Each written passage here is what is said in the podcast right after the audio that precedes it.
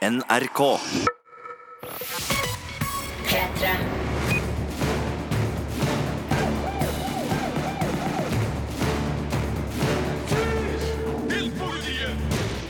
Hjertelig velkommen til en splitter ny podkast fra oss i Filmpolitiet. Til stede i dag Marte Hedenstad. Sigurd Vik. og Birger Vestmo. Og for å ta min jobb først denne uka, det har vært å se American Assassin på kino.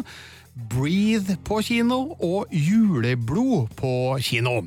Marte, du har vært på følgende. Ja, jeg har sett A Bad Moms Christmas, som skal få litt velfortjent slakt i dagens podkast, rett og slett. Og så har jeg kosa meg med Katteprinsen, en stud Studio Ghibli-film. Japansk animasjon her, altså. Sigurd, du har vært på mafiafilm. Det har jeg. eh, Sicilian Ghost Story, som er en eh, realistisk, men også overnaturlig og drømmende sak om siciliansk mafia.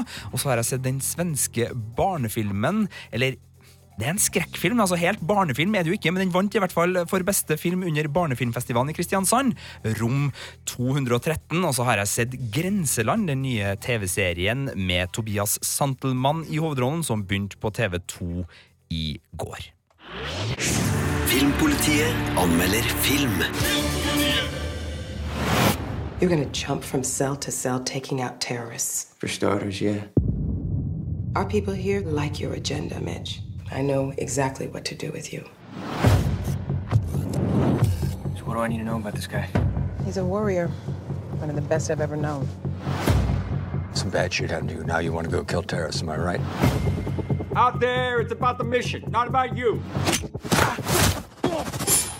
Det er jeg som har sett American Assassin, som har Dylan O'Brien fra The Maze Runner i den ene hovedrollen. Hyggelig å se han på kino igjen. Har vært litt sånn out of commission i det siste. Ja, jeg har, øh, hva andre ting enn Maze Runner har man egentlig sett han i? Jeg tror ikke jeg kan komme på noe, jeg. Men det er kanskje bare meg. Ikke jeg heller i farta, men nå ble han jo skada under innspilling av den eh, neste Maze Runner-filmen, og måtte ha et avbrekk.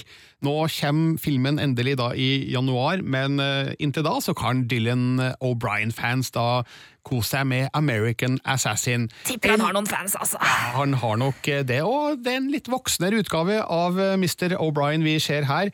Han spiller altså da Mitch Rapp, en fyr som er på et hevntokt mot uh, islamister. Blir, eh, ja, skal vi si, rekruttert i hermetegn av CIA, eh, og han blir rett og slett da en agent som blir sendt ut i Europa sammen med sin eh, sjef og trener, spilt av Michael Keaton, for å finne ut hvem som eh, stjeler komponenter til en atombombe. Det her er jo en eh, film som jeg merker ut fra din beskrivelse enten er helt med eller supergod til frossenpizzaen. Den er helt med, men den kan godt funke til frossenpizza, tenker jeg da. Eh, saken er at agentthrillere har vi jo sett en del av, og det er ingenting i American Assassin som skiller den fra andre agentserier, type Jason Bourne og eh, altså, og hva heter han her i Jakten på Rød oktober igjen? Eh, Jack Ryan. Jack Ja. Ryan, ja. Jack. Ryan, En av mine favoritt-CIA-folk. Vi er i det lende, og klart actionscenene er kompetent utført, og det tråkkes hardt til, og det liker jeg, når blodet spruter og kroppsdelene flyr. Eh, på, på film, da! Ikke sant? Du er en poet, Birger. Nei, du, jeg sier det som det er, tenker jeg vi sier. Eh, ja, men eh, det er liksom ikke noe mer. Det er ikke noe nytt og nyskapende og spennende, så hvis man ser American Assassin, vær forberedt på å få velkjente sjangergrep.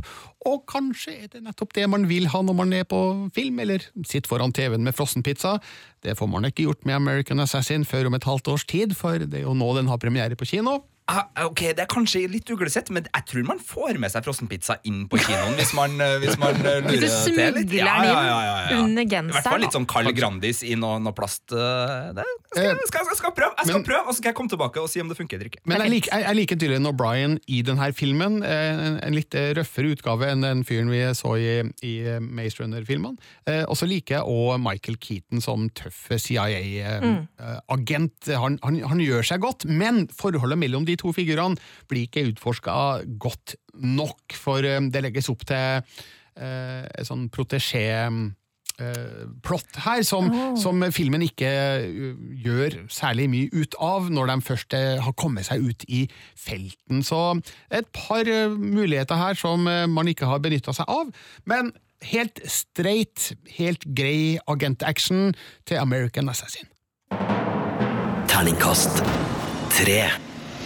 Les mer om film, spill og serier på p3.no Filmpolitiet. Og vi skal over til nok en premierefilm. Den heter Sicilian Ghost Story. Filmpolitiet anmelder film.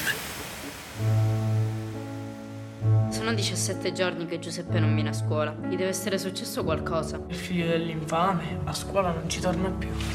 Dovremmo ribellarci tutti sino a quando non lo trovo. Io non ce la faccio a non pensare a lui. E non voglio. Sigurd Vik, du skal anmelde Sicilian Ghost Story på italiensk. Eh, ja, på italiensk. Nei, du skal jo ikke det. Det skal jeg. Men hva for en film er det her? Eh, Dere vet hvordan en del mafiafilmer ofte ikke nødvendigvis glorifiserer, men mafiafilmer handler ofte om eh, tøffe menn, blod, action eller litt sånn gudfaren-aktig, litt sånn lange, seige samtaler der man får litt sympati med, med mafiaen av og til. Ja Det her er ikke en sånn film. Det her er uh, mafia på sitt aller, aller vondeste, mørkeste og tristeste. Uh, Sicilian Ghost Story er basert på en virkelig hendelse fra 1993, da på Sicilia en ung gutt ble kidnappa av mafiaen fordi faren hans skulle tyste til politiet. Og Med utgangspunkt i den hendelsen så tar denne filmen oss med inn i den situasjonen, men ikke som en realistisk film kun.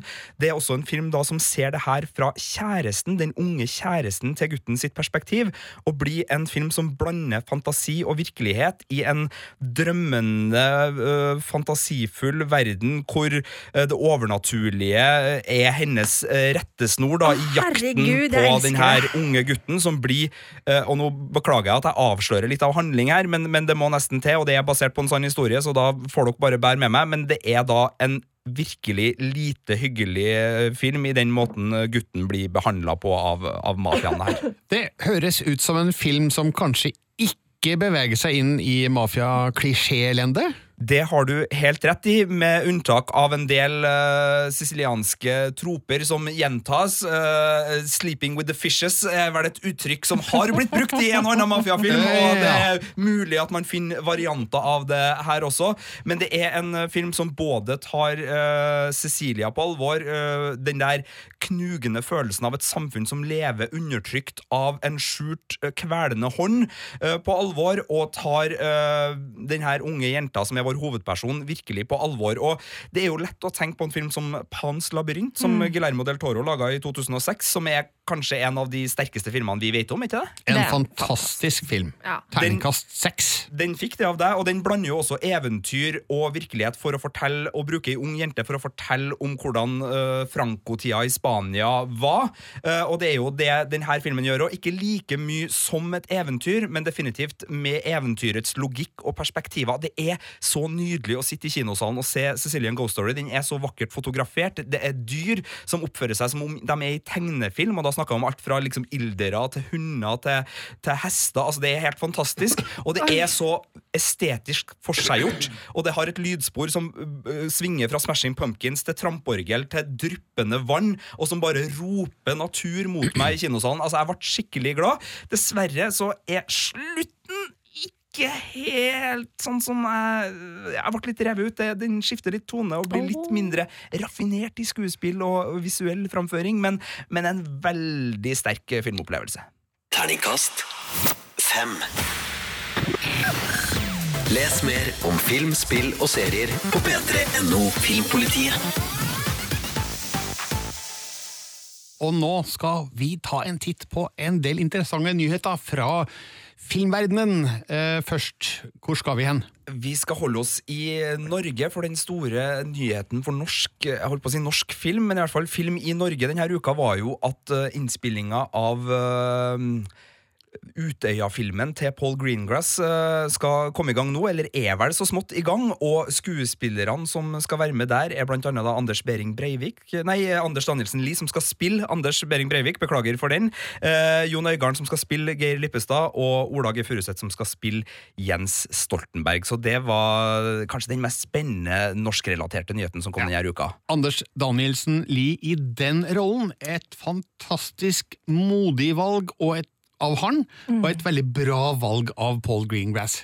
Ja, jeg tenker at uh, det er jo litt sånn snedig, for Paul Greengrass har jo laga to sånne typer filmer før. Han laga United 93, som handla om det ene flyet som da var med i uh, 11. september-angrepene. Da valgte han veldig ukjente skuespillere, og så har han laga Captain Phillips, der han tok Tom Hanks i hovedrollen, og en veldig kjent skuespiller. For oss så har han jo valgt en veldig kjent skuespiller i Anders Danielsen Lie her, men det er klart for et internasjonalt publikum så er han jo ikke et så household name, men uh, veldig spennende. Og i likhet med Bruno Gantz, som uh, da tok det vågestykket det var å spille Hitler i Der Untergang, så syns jeg jo Anders Danielsen Lie her nå gjør, som du sier, et veldig modig valg. Uh, det er selvfølgelig en fare for at han vil bli huska som den mannen, og mange vil knytte han opp til, til Behring Breivik nå, men samtidig en utrolig trygge hender å, å ha en sånn rolle i, syns jeg, i Anders Danielsen Lie. Han har jo vist gang på gang gang, enten det er Koselig med Pace eller Nobel eller Oslo 31. august, at han har et repertoar som skuespiller som virkelig favner også de, de mørkeste følelsene. Ja, Nå veit vi jo ikke helt på hvilken måte massemorderen skal portretteres i filmen, men eh, med Danielsen Lie i rollen så er jeg sikker på at vi får et eh, portrett som i hvert fall ikke er uinteressant, for å si det sånn. Um, nå er innspillinga av den i gang, og hva slags film tror du vi kan forvente oss? Altså, det er jo en Hollywood-film. Uh, og det er jo litt uh, rart å tenke på. At uh, eh, 22. juli skal bli en Hollywood-film. Ja. Jeg tror også vi må stålsette oss for at Utøya nå vil bli behandla på, på Hollywood-vis. Det er ikke sikkert Paul Greengrass kommer til å, å, dra det ut, men vi ser jo eksempler for eksempel av andre regissører som Peter Berg, som har gjort en del sånne, den type film basert på bl.a. maratonbombinga i Boston, da han laga Patriots Day og gikk ganske langt inn i actionfilmen med Mark mm. Wahlberg i hovedrollen. Uh, sausa sammen forskjellige mennesker til én person for å få en tydelig helt, og hadde litt sånn Die Hard-type replikker. Uh, jeg håper jo virkelig ikke, men jeg tror jo heller ikke Paul Greengrass kommer til å gå den veien. Men altså, det, Hollywood har ikke nødvendigvis den beste fintfølelsen for uh, tragiske hendelser, men, men, og, og, jeg er veldig opptatt av å underholde ofte. Men jeg, jeg tror Paul Greengrass er stødige hender her, altså. altså. Hvis vi ser på de filmene du nevnte i sted, United 93 og Captain Phillips, det som er bra med de, er at de setter oss i disse personenes uh, synsvinkel. Altså, vi får en slags følelse av hvordan det kun har opplevdes å være til stede der det skjedde. Eh, og kanskje er det det vi får også med Utøya-filmen, som foreløpig har eh, arbeidstittel Norway. Eh, det er jo ikke det at jeg ønsker å se hvordan det må ha vært å være på Utøya 22. juli, men det kan være en, en, en forløsende faktor for oss, en slags katarsis, som det da heter. Mm. Jeg er enig, og det er jo også spennende at det finnes andre folk som driver på og jobber med samme. Erik Poppe jobber jo med sin Utøya-film, som skal ha ganske ukjente skuespillere, så vidt jeg vet, og, og, ta for seg det her på en annen måte.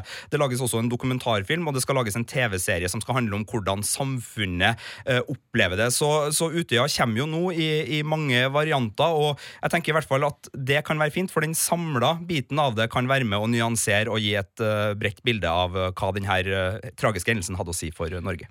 Filmpolitiet anmelder film. Robin? I can't breathe. You inhale the poliovirus from droplets in the air. The result is you can't breathe for yourself. You really must leave me here to rot now. I can't have this. Apparently, I can. Get me out of here. Sykdom og kjærlighet. Marte, det er jo du som burde ha sett den filmen her. Å jaså, hadde Ja. jeg blitt rørt? Jeg tror kanskje at du hadde blitt det, men det var jeg som gikk og så Breathe på kino, og ja, litt rørt blir man jo. Eh, Men eh, jeg har et par ankepunkter mot filmen. Først fortell litt om hva det handler om da. Basert på en sann historie om Robin Cavendish, spilt av Andrew Garfield, som i 1958 blir ramma av polio. Han blir lamma fra halsen og ned, og blir sånn 100% avhengig av en pustemaskin da, for i hele tatt å overleve. Og så ser vi da hvordan han og kona Diana, spilt av Claire Foy, kjent fra The Crown, eh, kjemper da for å frigjøre han fra sykesenga med nye oppfinnelser. Jeg føler at jeg har sett denne filmen før. Du, Det er jo litt sånn the theory of everything, da. Ja, Eh, også den franske, de urørlige, og den, der, den eh, romantiske komedien med Emilia Clarke som Den, kom i fjor, eh, eller ja, hva det var. Basert på roman og i hele Ja, tatt eh, he, eh, Ja. Et helt halvt år, eller Ja, noe sånt? var det? ja, ja, ja. Den filmen, ja, nemlig. Ja, vi, vi er i samme gate, altså. Eh, og det er jo åpenbart et, et publikum for en, Ja, en film som det. Eh, og det er en veldig vakker, eh, klassisk, eh, romantisk film med stor motgang og eh, pågangsmot og viljestyrke. Vakre skuespillere. Vakre skuespillere. og eh, så må det sies at regien er ved Andy Serkis, av alle. Ja, for det her er litt rart. Altså, Gollum har uh, altså, Ok, Andy Serkis, uh, kjent fra eh, Ringenes herre. Han spiller Snoke i Star Wars. Han, han er Caesar i Planet of the Apes. Eller Ja. Snoke, da. Ja, samme. Det, det står Snoke. Det. Eh, og, så, og det er jo ganske sånn blockbuster, action, underholdningsgreier. Han har jo spesialisert seg som den her skuespilleren som kan få dem her, bringe dem her til liv, og så går han hen og lager en sånn film. Det virker jo nesten sånn reaksjonært, og en sånn der motreaksjon mot uh, all underholdninga han ellers Ja, bidrar med. men- no offense. Han eh, viser at han har et uh, talent her, altså, til å lage en, en, en storslagen uh, film i et romantiserende lys. Og det, det er pent, det er vakkert, og de spiller godt, i hvert fall Andrew Garfield som den lamme Robin Cavendish. Claire Foy er innom det i anmeldelsen min. Hun er hun har tatt med seg litt av den derre kjøligheta som vi eh, ser hun har da i rollen som dronning Ja. Elizabeth i The Crown, over i rollen som Diana i um, Breathe, og det fører til at uh, hun er litt sånn distansert da, der man skulle tro at uh, følelsesmessig var hun i litt mer turbulente omstendigheter. Klarer filmen her å ikke være kjedelig i det hele tatt? Uh, Kjedelig vil jeg ikke si at den er. Eh, Den, den har et driv og en fremdrift som eh, gjør det meddrivende og, og, og spennende å følge med på hva som skjer med dette ekteparet, og jobben de gjør da for å få Robin ut av sykesenga og ut i verden, eh, bokstavelig talt. Et arbeid som skulle vise seg å få store ringvirkninger for andre i samme situasjon. Det som eh, plager meg litt, er at eh, alle de konfliktsituasjonene eh, og problematikken som nødvendigvis oppstår eh, når et ektepar møter på den motgangen de her har, det blir glatta litt pent over, og det blir sukra ned litt, eh, sånn at alt om eh, og du må forlate meg nå fordi at eh, det er ikke noe mer test med meg, og du må finne deg en elsker fordi du må jo få stilt dine behov og slike ting. Eh, de er innom det så vidt, og, og også selvmordstanker. Eh, de er innom det så vidt, men, men bare så vidt. det, det, det kunne ha vært mye mer å hente der. Og så tenker jeg at litt av årsaken kan muligens være at produsenten av filmen er sønnen til de virkelige figurene. Det er veldig nært. Veldig nært. Ja. Veldig nært. Så øh, vel, kanskje hadde filmen aldri blitt noe av hvis ikke sønnen deres hadde laga film, men øh, man kan også se for seg at avstanden var litt kort her. Kjapt spørsmål, bare, for jeg er jo gammel kinomaskinist og opptatt av litt sånn format. Og den her er laga i et gigantisk altså Forholdet er 1 til 2,76. Det er jo større enn vanlig Cinemascope, da, som er 1 til 2,35, som er det store Ja. breddeformatet på kino. Og det er det knapt ingen kinoer som kan vis i dag, så på de aller fleste kinoene, eller samtlige kanskje, så blir filmen vist da med en svart stripe over og under bildet, og ja, det var litt eh, merkelig, men her har de nok prøvd å gå for et sånt eh, storslagent, gammelt, eh, episk uttrykk, som de store filmene på 1950- og 60-tallet hadde, og vel, til en viss grad så kan man jo si at det fungerer, men siden store deler av filmen foregår innendørs, så eh, ja, det fremstår som et litt rart valg, men eh, vel, det, det ser nå i hvert fall pent ut. Så Breathe, jeg tror jeg skal anbefale den til mora mi. Eh, Jeg gir Terningkast fire. Filmpolitiet. Og nå er det klart for anmeldelse av den norske slasherfilmen Juleblod. Filmpolitiet anmelder film. Han gikk til angrep på personalet. Spesielt i juletider så var han veldig aggressiv. Han døde ikke av skuddene dine, Thomas. Han har sittet på Ila siden du tok han i 2009. Gjennom min årelange spesialisering som psykiater så blir jeg trent til og opplært til at sånne mennesker som han ikke finnes. Han skal ikke finnes. Han er manifestasjonen av rein og skjær ondskap. Ok, hva har vi her? Jo, vi har en eh, film eh, fra en spesiell sjanger, eh, og det er stort sett bare én norsk regissør som har gjort seg gjeldende i den sjangeren, nemlig Reinert Kiel. Og sjangeren er da mm, exploitation slasher-film, om man kan si det. Og det er jo en kul sjanger, spør du meg. Ja, jeg syns det er veldig ålreit at vi har noen som faktisk lager slike filmer i Norge. Uh, Kiel har jo da stått for eh, Hora og Inside the Whore, og også da hans forrige film Huset, som gikk i en litt eh, annen retning. Uh, med Juleblod så er han da tilbake i exploitation-landskapet, og resultatet er uh, så der. Um, når dere tenker slasherfilm, hva ser dere for dere da? Eh, Når det er en juleslasherfilm, eh, og jeg har jo sett noen av dem, så ser jeg for meg at det er jul, og at det er mye eh, overdramatisert dreping, type knivstikking eller andre, gjerne lite pistoler, men mer øks Ja, eller mye diverse. blod. Ja, og kanskje noe julepynt, som i Black Christmas fra 1973, tror jeg, som er en veldig god en, men, men der, ja. Det er helt riktig. Eh, kort om handlinga. En seriemorder har rømt fra fengsel. Han eh, dreper folk utkledd som nisse, og hans ofre har på ulike måter ikke vært snille. Eh, nå eh, er det da en politietterforsker eh, her eh, som eh, er på sporet og, og tar tak i saken og får tak i den gamle etterforskeren av eh, den første runden med, med drap, eh, for å finne ut hvor slår han til neste gang.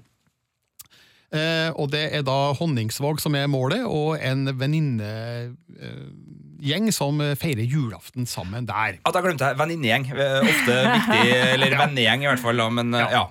Eh, Så det er et lovende utgangspunkt. Eh, Dessverre så er manuset veldig dårlig. Det er usammenhengende og amatørmessig skrevet.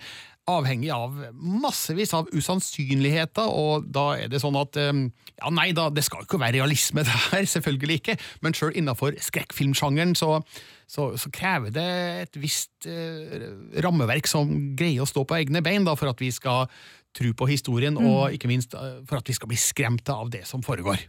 Fiksjonstroverdighet er jo et uh, vesentlig ø, ord her. Jeg bare Nemlig. lurer på, fordi Det er en Futurama-episode som handler om omtrent det samme, hvor en robotnisse blir skrudd og feilkalibrert sånn at alle er slem. Uh, Og det er da poenget, og det artige i den episoden er jo hva er det som gjør et menneske slemt. Det blir jo det som blir humoren. og sånn.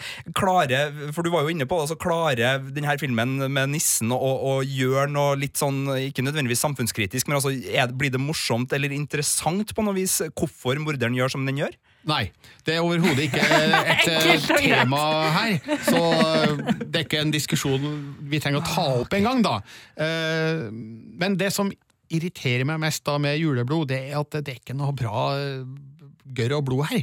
Altså, det er gørr og blod, men det er ikke noe bra. Og det Altså, ser fake ut, liksom? Altså, Tarmene som henger ut av folk, det er kjøttpølser. Ser ut som det, i hvert fall. Og eh, scenene med øks og kniv, det er, det er litt sånn halvgjort og enkelt, dessverre. Jeg, jeg, jeg vil ha litt ordentlig gørr. Litt sånn skikkelig utspekulert uh, slashervold. Men det jeg lurer litt på, er den filmen her så dårlig at den kan bli bra på noe vis? For enkelte så kan den vel helt sikkert eh, det, og jeg håper jo at den finner et publikum på kino. Jeg syns jo at når det først lages en sånn type film i Norge, at det eh, nesten for ille hvis ingen går og ser den. Så det kan godt tenkes at eh, den finner veien frem til, til noen, men for meg så blir det verken morsomt eller spennende eller eller blodig nok da, til at det er særlig interessant. Så Juleblod får av meg Terningkast to. Les mer om film, spill og serier på p3.no Filmpolitiet. Filmpolitiet hver fredag fra 11 til 1 på P3. Juleblod er faktisk da ikke den eneste julefilmpremieren i dag. Her skal vi snakke om A Bad Mom's Christmas. Filmpolitiet anmelder film. Remember when the holidays were actually fun? Take Christmas back. Huh? Mom? hey, Mom. Where's your tree? I didn't want to waste time Christmas tree shopping. I actually just wanted to enjoy Christmas this year. Amy, you are a mom. Moms don't enjoy, they give joy. That's how being a mom works.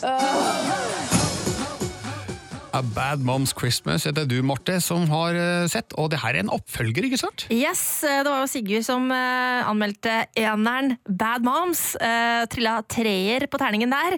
Uh, hva var det du kalte den den gangen?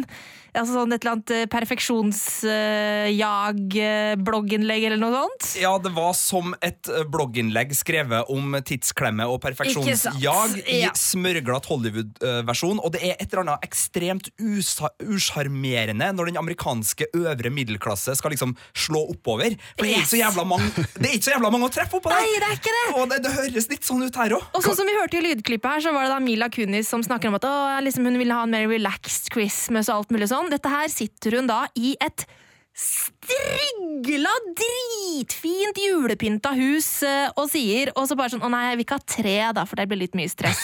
Eh, sånn at det er en del sånne der, eh, utrolig teite ting. For dette, alt er jo så perfekt og fint at når de da sier at altså, det de ser på som uh, ikke-perfeksjon, er jo fortsatt et jævla uh, mye høyere nivå enn jeg pynter hjemme hos meg, da, for å si det sånn. Demlig. Kort om handlinga i Bad Moms Christmas. Ja, ikke sant? Det er jo da disse venninnene Amy, Kiki eh, og Carla, spilt av Mila Kunis, Kristen Bell og Catherine Hahn, som da har lyst på en litt mer eh, avslappende jul, eh, og har tenkt å planlegge det, men så kommer deres mødre på besøk, eh, og da er vi jo da med Hvis du hørte i klippet her, Amy sin mamma blir spilt av Chris Christine Baranski, og det er hun som spiller mora til eh, Sheldon eh, i Big Bang Theory. Ah. Så hun spiller jo den samme rollen sånn ja. cirka her.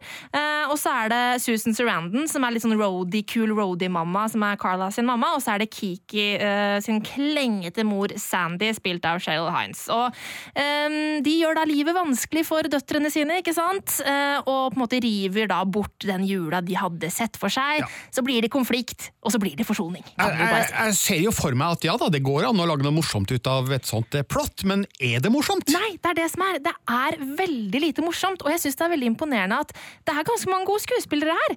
Eh, og det er noe sånn artige sekvenser eh, mellom Catherine Hahn og Susan Sarandon. Eh, begge, jeg, synes, jeg veldig, har veldig sansen for Catherine Hahn, jeg syns hun er, er, veldig morsom.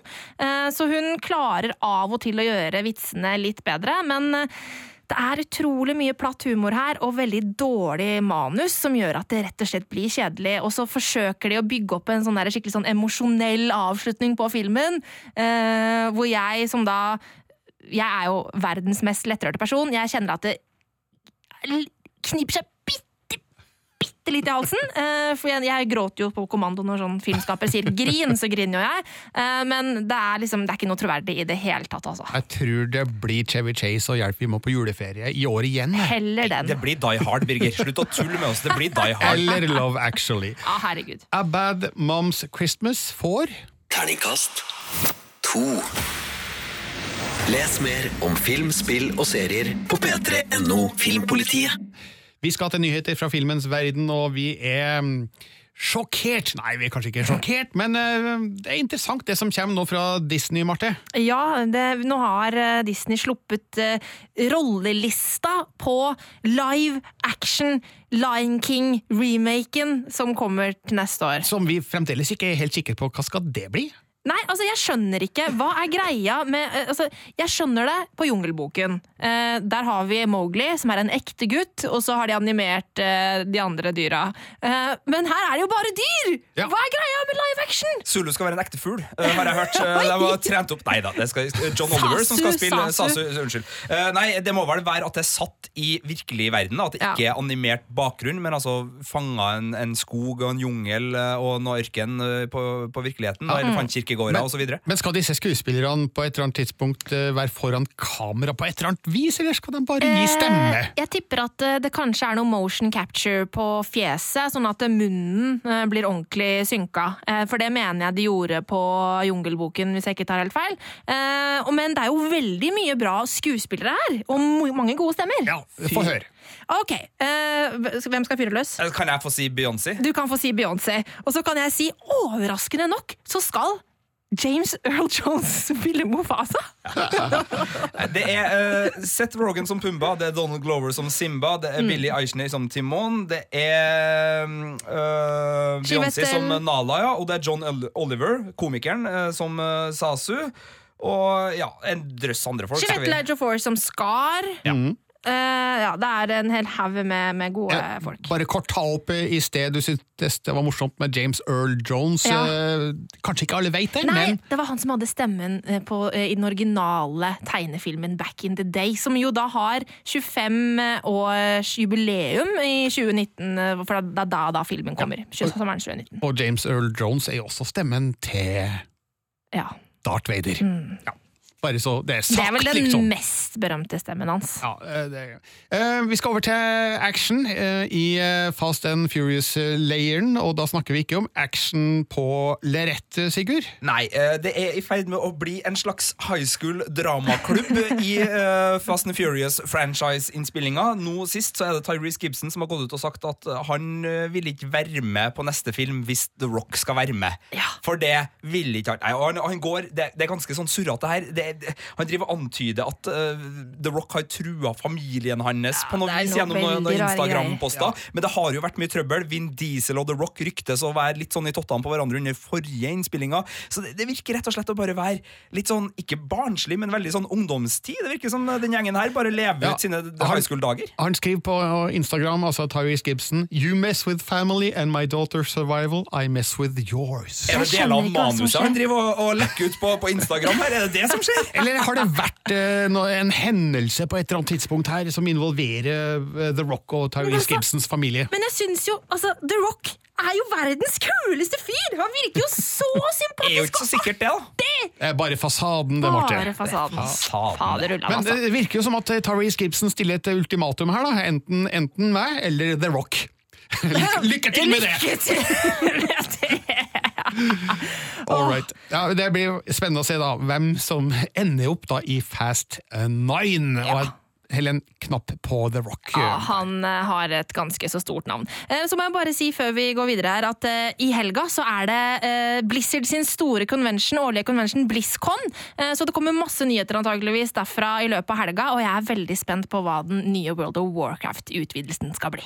World of Warcraft. Jeg har aldri hørt om det. Ja, men da regner jeg med at du, Marte Hedenstad, vil informere oss eh, andre om hva som skjer der. Absolutt.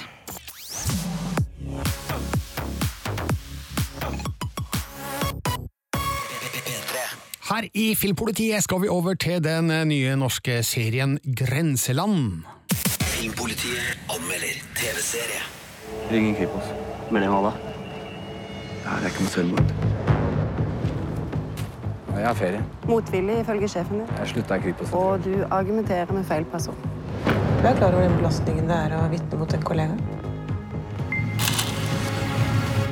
Han er ikke en kollega, han er en drapsmann. Grenseland hadde premiere på TV2 i går. Eh, åtte episoder skal ut, og du, Sigurd Vik, har sett De fire første. Akkurat. Halvparten! Halvparten, med andre ord. Ja, hva er det her?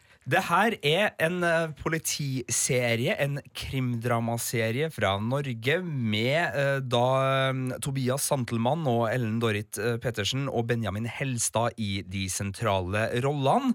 En serie som er, handler om en politimann som er veldig rakrygga, en Oslo-politimann som er sånn som følger med hvis det skjer noe galt på kontoret, så sier han ifra, og han har en kollega i Oslo som har gjort noe galt, og der har han liksom, ja, som vi hørte på, på lydklippet her, han er en drapsmann, så han veldig rakrygga fyr, veldig, veldig rakrygga. Så får han eh, hjem til hjembygda, som ligger nærme svenskegrensa på, på Østlandet, og så blir han innvikla i noe der familien hans kanskje har gjort noe galt, og så er han ikke fullt så rakrygga lenger.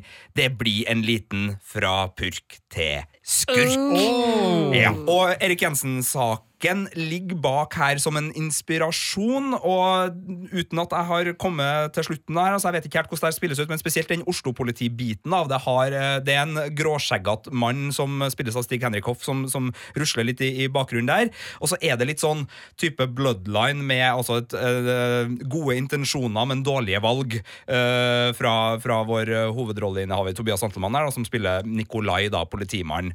Og det er litt av problemet. Du har sett mye av det her før, og det gjøres med en litt sånn såpete, intrigefylt eh, stil, som gjør at du skal være glad i sjangeren og glad i det sjangeren alltid gir deg, for å få maksimalt utbytte av Grenseland. Men det du får utbytte av, er Tobias Antelmann, for fy rakkeren, det er en fryd at han endelig har fått en hovedrolle i norsk serie. Ja, for han er en utrolig god skuespiller. Som for eksempel eh, i Frikjent så syns jeg han, han var liksom det beste med hele den serien. Jeg, jeg, ga, jeg husker jeg ga de fem første episodene av Frikjent terningkast fire, og da var jeg litt raus.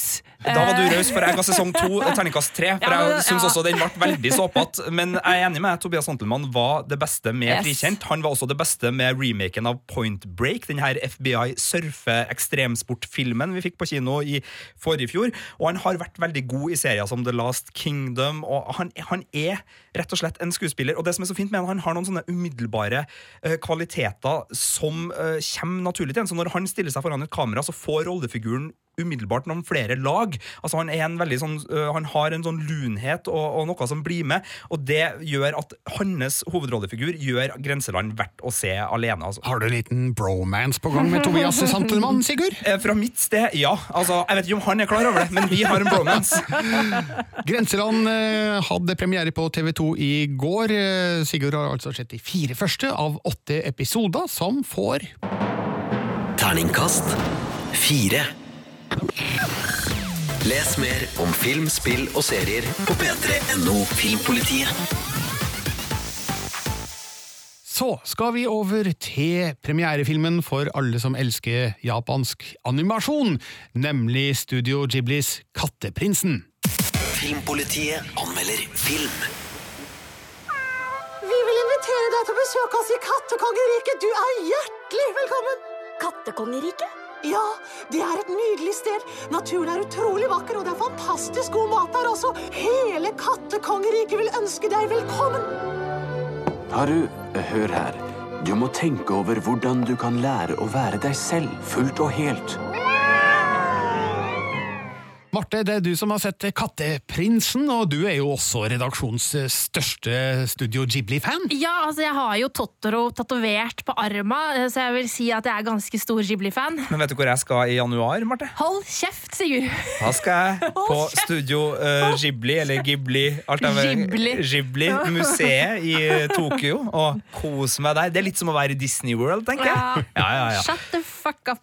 Fortsett, du burde ha blitt med, men ja, eh, hvilken film er Katteprinsen? Det, er for, det er jo ikke noe nytt. Nei da, det her er en film fra 2005 som er en slags eh, oppfølger på Whisper of the Heart, som kom i 1995, var det vel.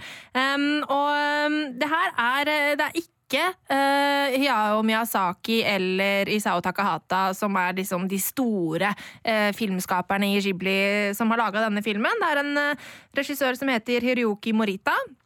Og eh, det her jeg vet ikke om det er av at vi ikke har eh, liksom, de beste gutta med på laget her, som gjør at uh, denne filmen ikke er den aller beste Ghibli-filmen, men um, det er noe som mangler her, selv om det her er en veldig sånn leken og eventyrlig og fin uh, eventyrfilm, um, så er den på en måte ikke Den sitter ikke 100 inne hos meg, da. Men eh, det er altså Haru som er hovedpersonen. Ei eh, ganske sånn kul jente, litt sånn artig med glimt i øyet, som eh, redder en katt en dag når hun eh, er på vei hjem fra skolen.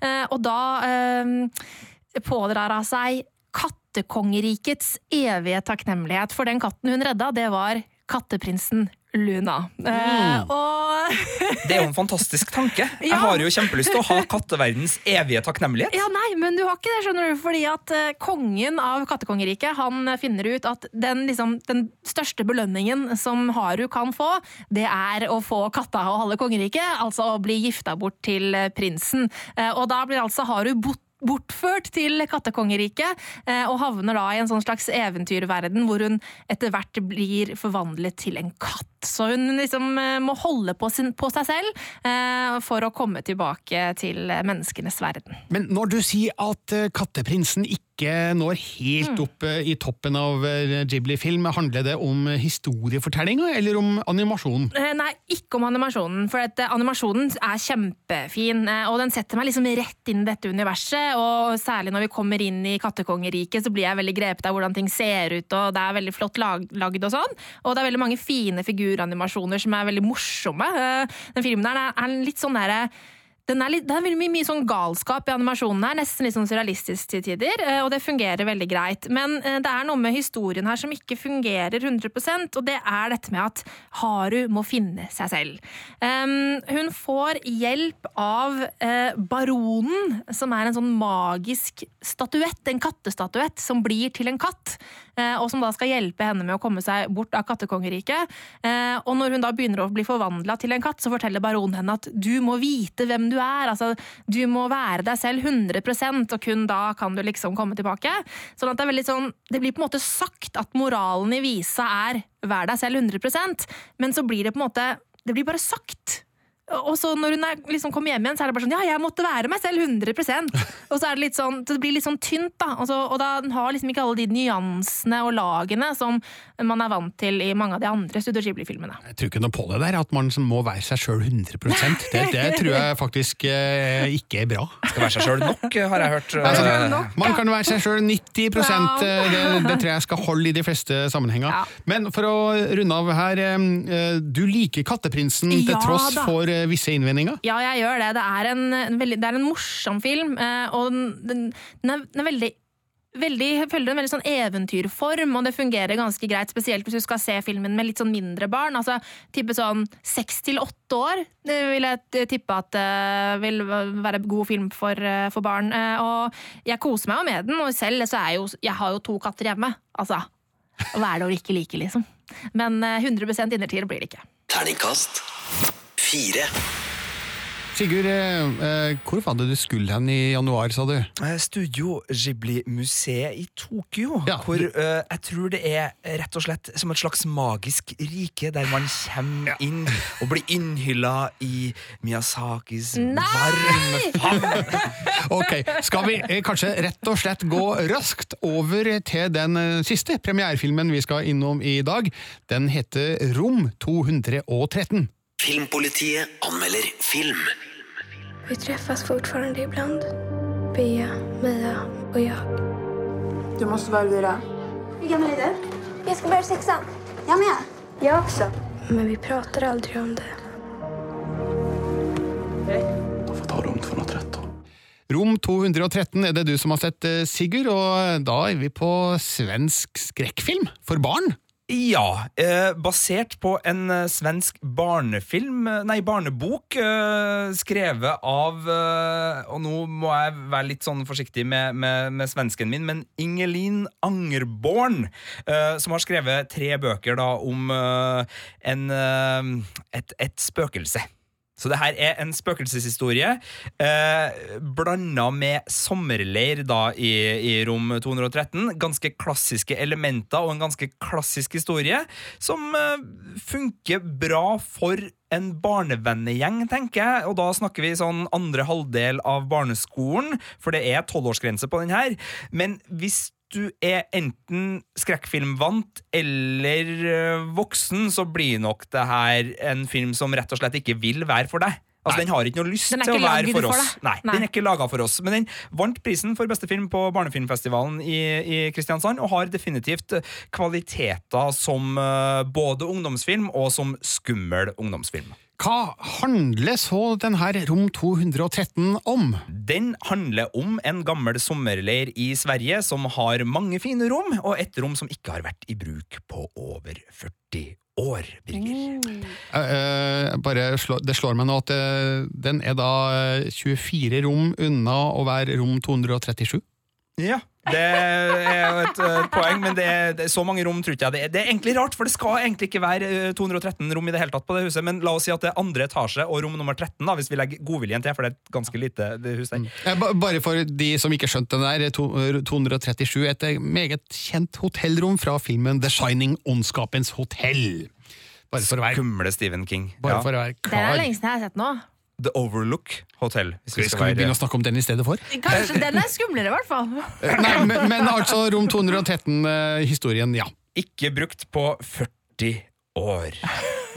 Eh, og så kommer det da et lass med eh, nye sommerleirfolk. eh, blant annet da Elvira, Bea og Meia, som ikke har møtt hverandre før, men som blir liksom umiddelbart uh, vennegjeng. Skal egentlig bo på et helt annet rom. Der er det oversvømmelse, så de må da i nøden bo på rom 213. eh, og der eh, begynner mystiske ting å skje. Hvem var det som bodde på det rommet? Var det bare Bea? Nå er dere for gode på filmreferanser her. The Shining på ene kanten og bare Bea på andre kanten. Ja, ja, ja. Men uh, det her er da en uh, film som er veldig lun og fin i sommerleirsjargongen. Det er en kul jentetrio som er så kul at guttene trenger ikke å være noe annet enn kjekk eller teit her. Det er jentene vi følger. Det er dem som prøver å etterforske hva kan det her spøkelset være, hvem kan det være, hvorfor er det her, hva er det det vil at vi skal gjøre, og så forsvinner det ting fra rommet som gjør at vennskapet deres settes på prøve, og så er det liksom elevkvelder og litt sånn typisk skandinavisk sommernostalgi Jeg og at jeg hadde elska denne filmen som tolvåring. Ja, det den sikter veldig inn på, på sin målgruppe. Men så er det da et lite problem, og det er at jeg vet jo ikke om det her er fordi boka er skrevet sånn, og boka er en del av en trilogi, men filmens manus får et lite problem mot slutten, fordi vi bruker ganske mye tid på å etterforske hvem er spøkelset, og hvorfor er det sånn at spøkelset her holder på med de tingene det gjør. Men den biten forlates litt på slutten. Det blir ikke så mye etterforska og oppklart den siste finalen, og da blir det litt sånn antiklimaks. Den har en søt nok slutt, og, og får uh, absolutt uh, avslutta spøkelseshistoria for denne gang, men, uh, men i hvert fall min sånn filmlogikk får ikke tilfredsstilt seg helt. Den er rett og slett litt sånn et lite antiklimaks der. Og så er det jo selvfølgelig et annet problem med at den er aldri ordentlig veldig skummel, så mange av de som denne filmen er mynta på, vil føle seg snytt for skrekkfilmen inni Mm. rom 213, for den er veldig mild. Men spennende, men ikke skummel, eller? Ja, men det er mer en skrekkdramafilm for Ja. ungdom som også sikter en veldig bredt. Så, så den er liksom ikke nisje. Og når den bruker litt sånn, Det er jo nok en ung pike i hvit kjole, for eksempel, Ja. og det er en del sånn dørhåndtak og sånn, og så, så flirer den det bort med å referere til filmer som The Grudge og, og sånn, så det, det, det er litt sånn à la Skrik med at den er litt selvrefererende til sjangeren, men det hjelper egentlig ikke nok, da. Og så har den ei lydside som tydeligvis er ganske sånn generisk, der den uh, før det blir skummelt, skal si fra at det skal bli skummelt, og bare pøse på med lyder i lydsporet, og det er jo et litt sånn teit grep, men igjen da, for et ikke veldig filmvant publikum, så vil den nok gjøre nytta. Så en god fredagsanbefaling for de aller yngste vennegjengene, men, eh, eller i hvert fall de på, ikke aller yngste, men de sånn ti- eh, åtte til tolv, tenker jeg, uten at jeg skal være foreldre. være og- foreldre ja, kanskje. Mm. kanskje. Eh, der funker det, men, men for ellers er jo ikke her eh, det, det helt store. Men en, eh, det er artig at det lages så dedikerte filmer for den målgruppa også. Jeg legger merke til at eh, under anmeldelsen din på nettsida vår, så mm, er det da signaturen Dark Lord of Gorgoroth eh, som da skriver eh, om to, rom 213. En litt uheldig tittel på en barnefilm, kanskje? Alle vet jo at Jeffrey Dahmer bodde i leilighet 213. Ja. Altså seriemorderen Jeffrey Dahmer. Han, han flytta, jeg, sjekka, jeg sjekka det på Wikipedia, og han flytta inn i apartment uh, 213 i uh, 924 North 25th Street. Eh, i 1990. Men altså, det må jo være nummer 13. Uh, det må jo alltid være nummer 13 når det er spøkelse... spøkelse. Ja, eller er det en eh, bevisst referanse? Det kan jo være det. Det vet, vites ikke. Det er, det er i hvert fall mange referanser i manuset, og så er det en del av dem som funker, og så er det en del av dem som blir mer unnskyldende enn gode. da. Men det her var jo i så fall en av de litt mer uh, kløktige. Uh, vil forresten anbefale Mindhunter, TV-serien, Ja, oh. som uh, ligger på Netflix nå, som handler om disse virkelige seriemorderne, og hvordan FBI begynte å Å, det etterforske dem. er en så sykt bra serie! Den er bra, den. Men eh, altså, Rom eh, 213, ålreit barneskrekkfilm eh, og terningkast fire. Les mer om film, spill og serier på p3.no Filmpolitiet. Filmpolitiet hver fredag fra 11 til 1 på P3. Da er denne podkasten fra Filmpolitiet ferdig. Eh, Vi er tilbake om en ukes tid, eh, da med mer film. Vi skal se premierefilmene Wind River, Jupiters måne, Mord på Orientekspressen, Jigsaw og The Foreigner.